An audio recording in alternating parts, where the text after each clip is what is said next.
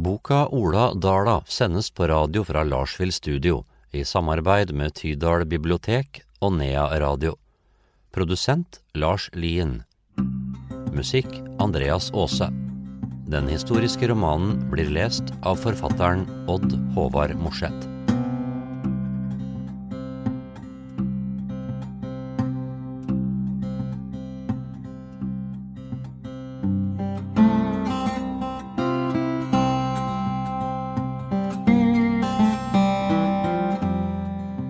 Kapittel 11 Det er søndag den 21. september 1823. Berit Hjemme i tunet på Dala tok Ola nevekonten på ryggen. Forstander Klingenberg hadde tildelt teig for hogst av hustømmer. Han var spent. De siste dagene hadde tømmerhoggerne holdt på i teigen nede på slettene ved Håvoldsenget. Nå hadde Ola endelig tid til å gå nedover dalen og bli med på hogsten. Han hadde pakket ned en god rasjon med mat, brødleiver, saltkjøtt, røkt kjøtt, sild og ost. Ola hadde tatt en tur bortom potetåkeren og tatt opp noen krokete knoller. De var godt forspent med mat på gården nå som det nesten ikke var folk i husholdet. Etter at kramkarene kom tilbake fra handel, hadde de planlagt oppbygging av tunet sammen med Ola. Gavl og tak på geitfjøs var en enkel oppgave, men det viktigste var kufjøset.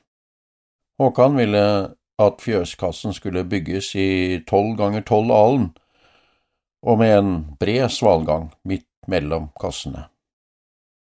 Grantømmeret nede i dalen hadde mye mindre avsmaling enn den kortvokste fjellfurua. Det skulle bli et romslig fjøs. De måtte ha dyrene under tak før vinteren kom med full tyngde. Fundament til det lengre og bredere fjøset var allerede klargjort. De hadde undersøkt veggen mot det nedbrente kammerset i våningshuset grundig. Håkan ville at de skulle hogge tømmer og lafte et nytt kammers i full lengde i stedet for det korte kammerset som var nedbrent. Ola hadde protestert og sagt ifra at om de klarte å lafte nye fjøs før vinteren kom, var det nok for i år. Slik ble det, og nå hadde de begynt tømmerhogst til fjøs. Ola var redd han ikke kom til å få fornyet byksel etter faren.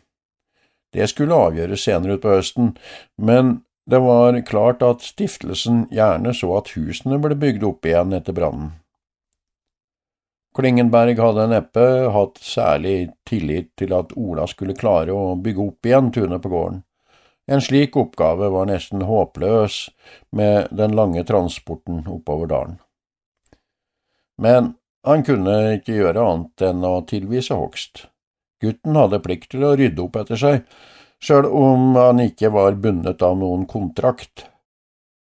Tømmeret kunne uansett komme til nytte for neste leilending. Han slengte øksa over nakken og la i vei utover langs sjøen. Endelig var det tid for å ta tak i noe som handlet om framtida, om det å bygge opp. Det kjentes som om det meste han hadde vært med på i livet, bare var blitt revet ned. Arbeid i skogen med øks og sag skulle han stå ut med. Så snart sledeføret kom, skulle det bli mange og lange turer med hest og tømmer. Han så for seg de ferske tømmerstokkene stå inne i tunet. Gleden i å ta fatt på oppgavene var uten bekymring for hvor lange og tunge dager det skulle bli. Været hadde klarnet opp, og nattefrosten hadde lagt is over små dammer i stien. De tørre ishinnene knaste under skoene der Ola trampet i vei. Det blinket i det klare vannet utover langs stranda. Under vannflata hadde en dyp, mørk blåfarge fått feste. Det var høst. Over på den andre siden av sjøen var de snødekte fjellene som vegger mot himmelen. Blekgule bjørker hadde fått røde rogner og flammende gule ospetrær til å være med på å varsle om høst. Dagene var korte og nettene mørkere. Det var ingen tid å miste. Det var én dagsmarsj nedover dalen før han nådde skogen der dalakarene hadde slått leir. Han kjente på kreftene som hadde bygd seg opp den siste tiden nå som høyet var satt i såter for vinteren og dyrene kommet hjem fra seter, var det kommet en ro over dagene. Hvert skritt førte ham videre gjennom steinete partier, gjennom myrhull, over bekker og inn i bratte kneiker. Det var lette skritt. Han bygde seg opp et sterkt ønske om å se målet som en hildring, langt framme, over stien en plass. Endelig kjente han på at det kunne være mulig å bygge seg i framtid. Han turte å la tankene streife innom ansvaret han hadde som storebror. De måtte møte en ny vinter uten mor og far. Gården var nedbrent, men han hadde akseptert at det var slik det så ut i deres lille verden. Han var ikke lenger noen guttunge. Han var klar for å møte livet, uansett hva det måtte føre med seg. Olav ville bygge nye vegger og skape en framtid. Det hadde regnet en god del de siste dagene, og snøen hadde lagt seg i høyfjellet. Elva Tya rant ut fra Stuggesjøen i livlige stryk, Nedenfor Mosjøen kastet den seg utover Esfossen før den roet seg i det flate landskapet ved gården Løvøya. Ola fulgte stien fra det trange elveleiet ovenfor Esfossen og oppover på de nakne berghammerne. Oppe ved Varden på Knallen tok han rast. Herfra svingte stien seg nedover mot Skogteigen. Varden var en viktig veiviser, her som vær og vind fikk godt tak. Nå var det stille og lunt på sørsiden av Varden. Ola satte seg der. Herfra så han inn i fjellene han skulle leve videre med. Fjellene voktet dalen, og inne ved enden av sjøen lå gården han fortsatt kjempet for. Han var alene om ansvaret. Nå trengte Anne og Halvor en storebror mer enn noen gang. På vei oppover dalen kom ungjenta Berit gående. Stien svingte seg oppover mot Varden på knallen. Det var vanlig å raste der, når en hadde nådd det høyeste punktet på veien mot Stugedalen. Hun gledet seg alltid til å besøke folket på Stuggevollen. Det var så mye folk og liv i husene der. Besteforeldrene, Maren og Lars, var alltid gode å ha. Berit hadde stått konfirmant i sommer og avsluttet skolegangen. Foreldrene på gården Fossa nede i Tydal var alltid opptatt med så mange gjøremål. Det var så mye som skulle gjøres klart før vinteren kom, og la alt under snøen. Hjemme hadde hun bare én bror, Erik på ti år. Det var så mange barn på Stuggevollen, Anne og Berit, var på hennes egen alder. De hadde alltid så mye å snakke om når de møttes. Snart blir vi alle tre for voksne kvinner å regne, tenkte Berit, en tanke som gjorde henne spent og glad. Hun stoppet brått opp. Det sto en stor neverkont reist opp mot Varden. Ved siden av satt det en kar med hatten i øynene. Hun dyttet strikketøyet ned i forklelomma og kikket ned under hattebremmen. Er det du, Ola? spurte hun forsiktig ned mot skikkelsen. Ola snudde seg brått mot henne og så nesten brysk ut, men blikket mildnet fort. Han kom seg på beina og hilste. Ja, det er nok det, og du er Berit, sa jeg. De sto der og holdt hverandre i hendene litt lenger enn det som vanlig var. Ola merket at han ble svett i håndflata og slapp taket. Han ryddet plass borte ved Varden og ba Berit sette seg. Han var forundret over at stemmen og hendene var ustø. Hun hadde kneppet opp ullkofta. Ola så at kjolelivet var stramt over brystene, og kjolen hang godt hope på de runde hoftene. Var det det at Berit hadde vokst seg til som et voksen kvinnfolk som gjorde han så usikker? Det var noe mer. Han kjente det godt da Berit satte seg ned inntil han på berget. Varmen. Du har møtt mye stygghet i det siste, du, Ola. Berit så inn i fjellene. Øynene hadde samme dype blåfarge som sjøen en høstdag. Det blonde håret hang ned i bølger på alle kanter under den broderte kysa. De runde kinnene var blanke og røde etter bakken opp hit. Mor og far har snakket om deg og ment at de burde ha hjulpet til, men så har far fått store problemer med å holde drifta oppe i gruvene i grønnskalet. Du har kanskje hørt at folk har døpt om alltid godt skjerpet til aldri godt. Ola lente seg tilbake mot steinene i Varden. Det var noe som bredte seg ut i hele kroppen. En flokk med snøspurv kom seilende og slo seg ned. Den danset med lette steg og beitet i lyngen nedenfor berget, gjorde seg klar for den lange reisen. Far var nødt til å legge ned drifta der i sommer. Han har snakket mye om ansvaret for gruvene og folket i smelthytta nede ved Kistefossen, om lasskjørere som har lite å gå til når vinteren kommer. Han kjente varmen hennes gjennom jakka, hele veien nedover langs høyrearmen. Det var godt å høre henne snakke, men tankene var like urolige som spurveflokken. Det har ikke blitt noe tid til overs på Fossan. Hun snudde seg brått og så granskende på Ola. Er du sint på oss for at vi ikke har kommet til å hjelpe til i sommer? Nei, nei, nei, det er ikke å vente, nei, det går bra. Varmen blandet seg med alt annet som danset rundt.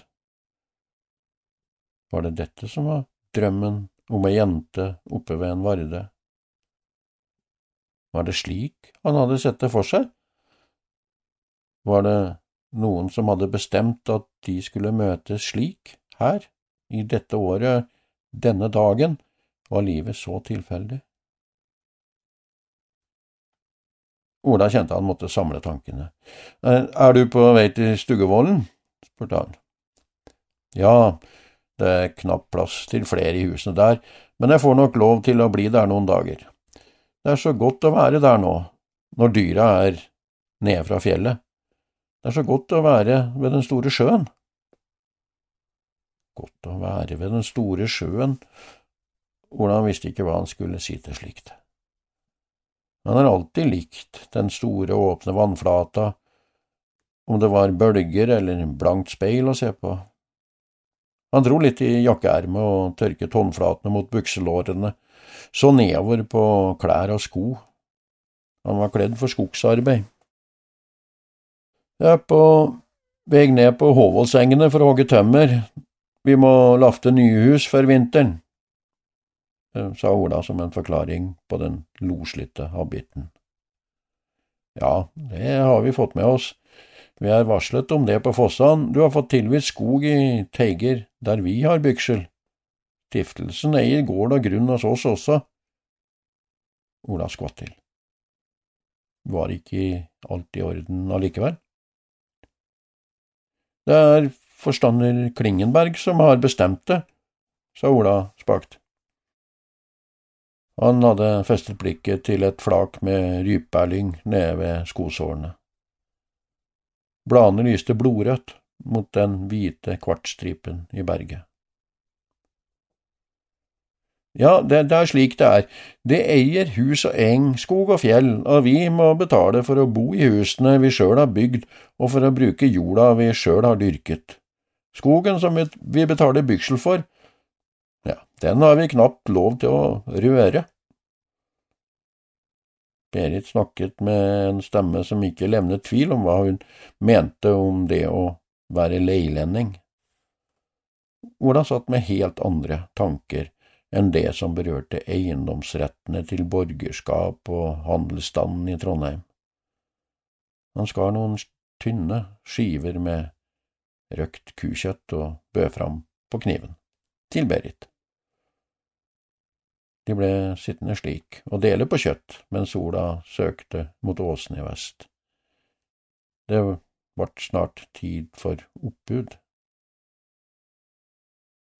Ola var ikke lenger sikker på alle retninger. Det var som om stien førte hit. Herfra var det nye veier å gå, nye stier å tråkke, stier som aldri før var gått. Han var i ukjent terreng, men det kjentes som om det bare var myke lier som kom han i møte denne gangen, lier der han gjerne ville gjøre seg bedre kjent. Det var ikke noe veiskille oppe på knallen, De reiste seg for å gå videre. Snøspurven lettet brått fra lyngen og på et blunk samlet det seg til en smal, hvit sky som seilte videre innover dalen. Ola og Berit fortsatte i hver sin retning.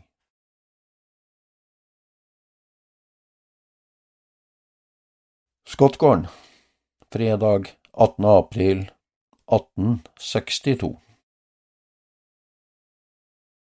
Jørgen raker fram glørne og slenger et par store vedskier på peisen. Røyken henger som en smal sky oppunder takbjelkene. Vinden høres godt rundt veggene. Ola får sengeplass i kammerset innenfor stua. Det er sein kveld. Det blir fort stille i huset. Det henger nysnø nedover de små, rutete kammersvinduet. Det er mørkt i rommet. Det er ofte en utfordring å finne søvnen når han er på reise. Nye soveplasser hver natt er ikke like enkelt. Han blir liggende og snu seg til fellen kjennes god og varm.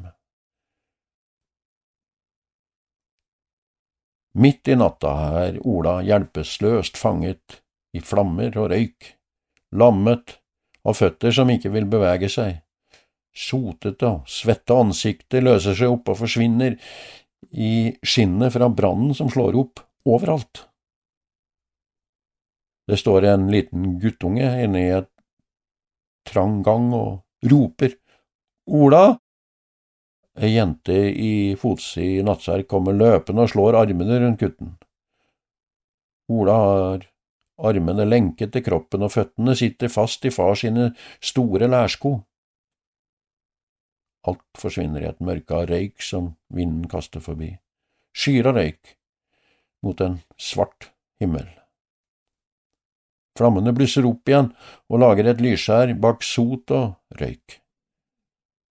Det kommer en gammel og lut skikkelse gående barbeint mellom flammetunger.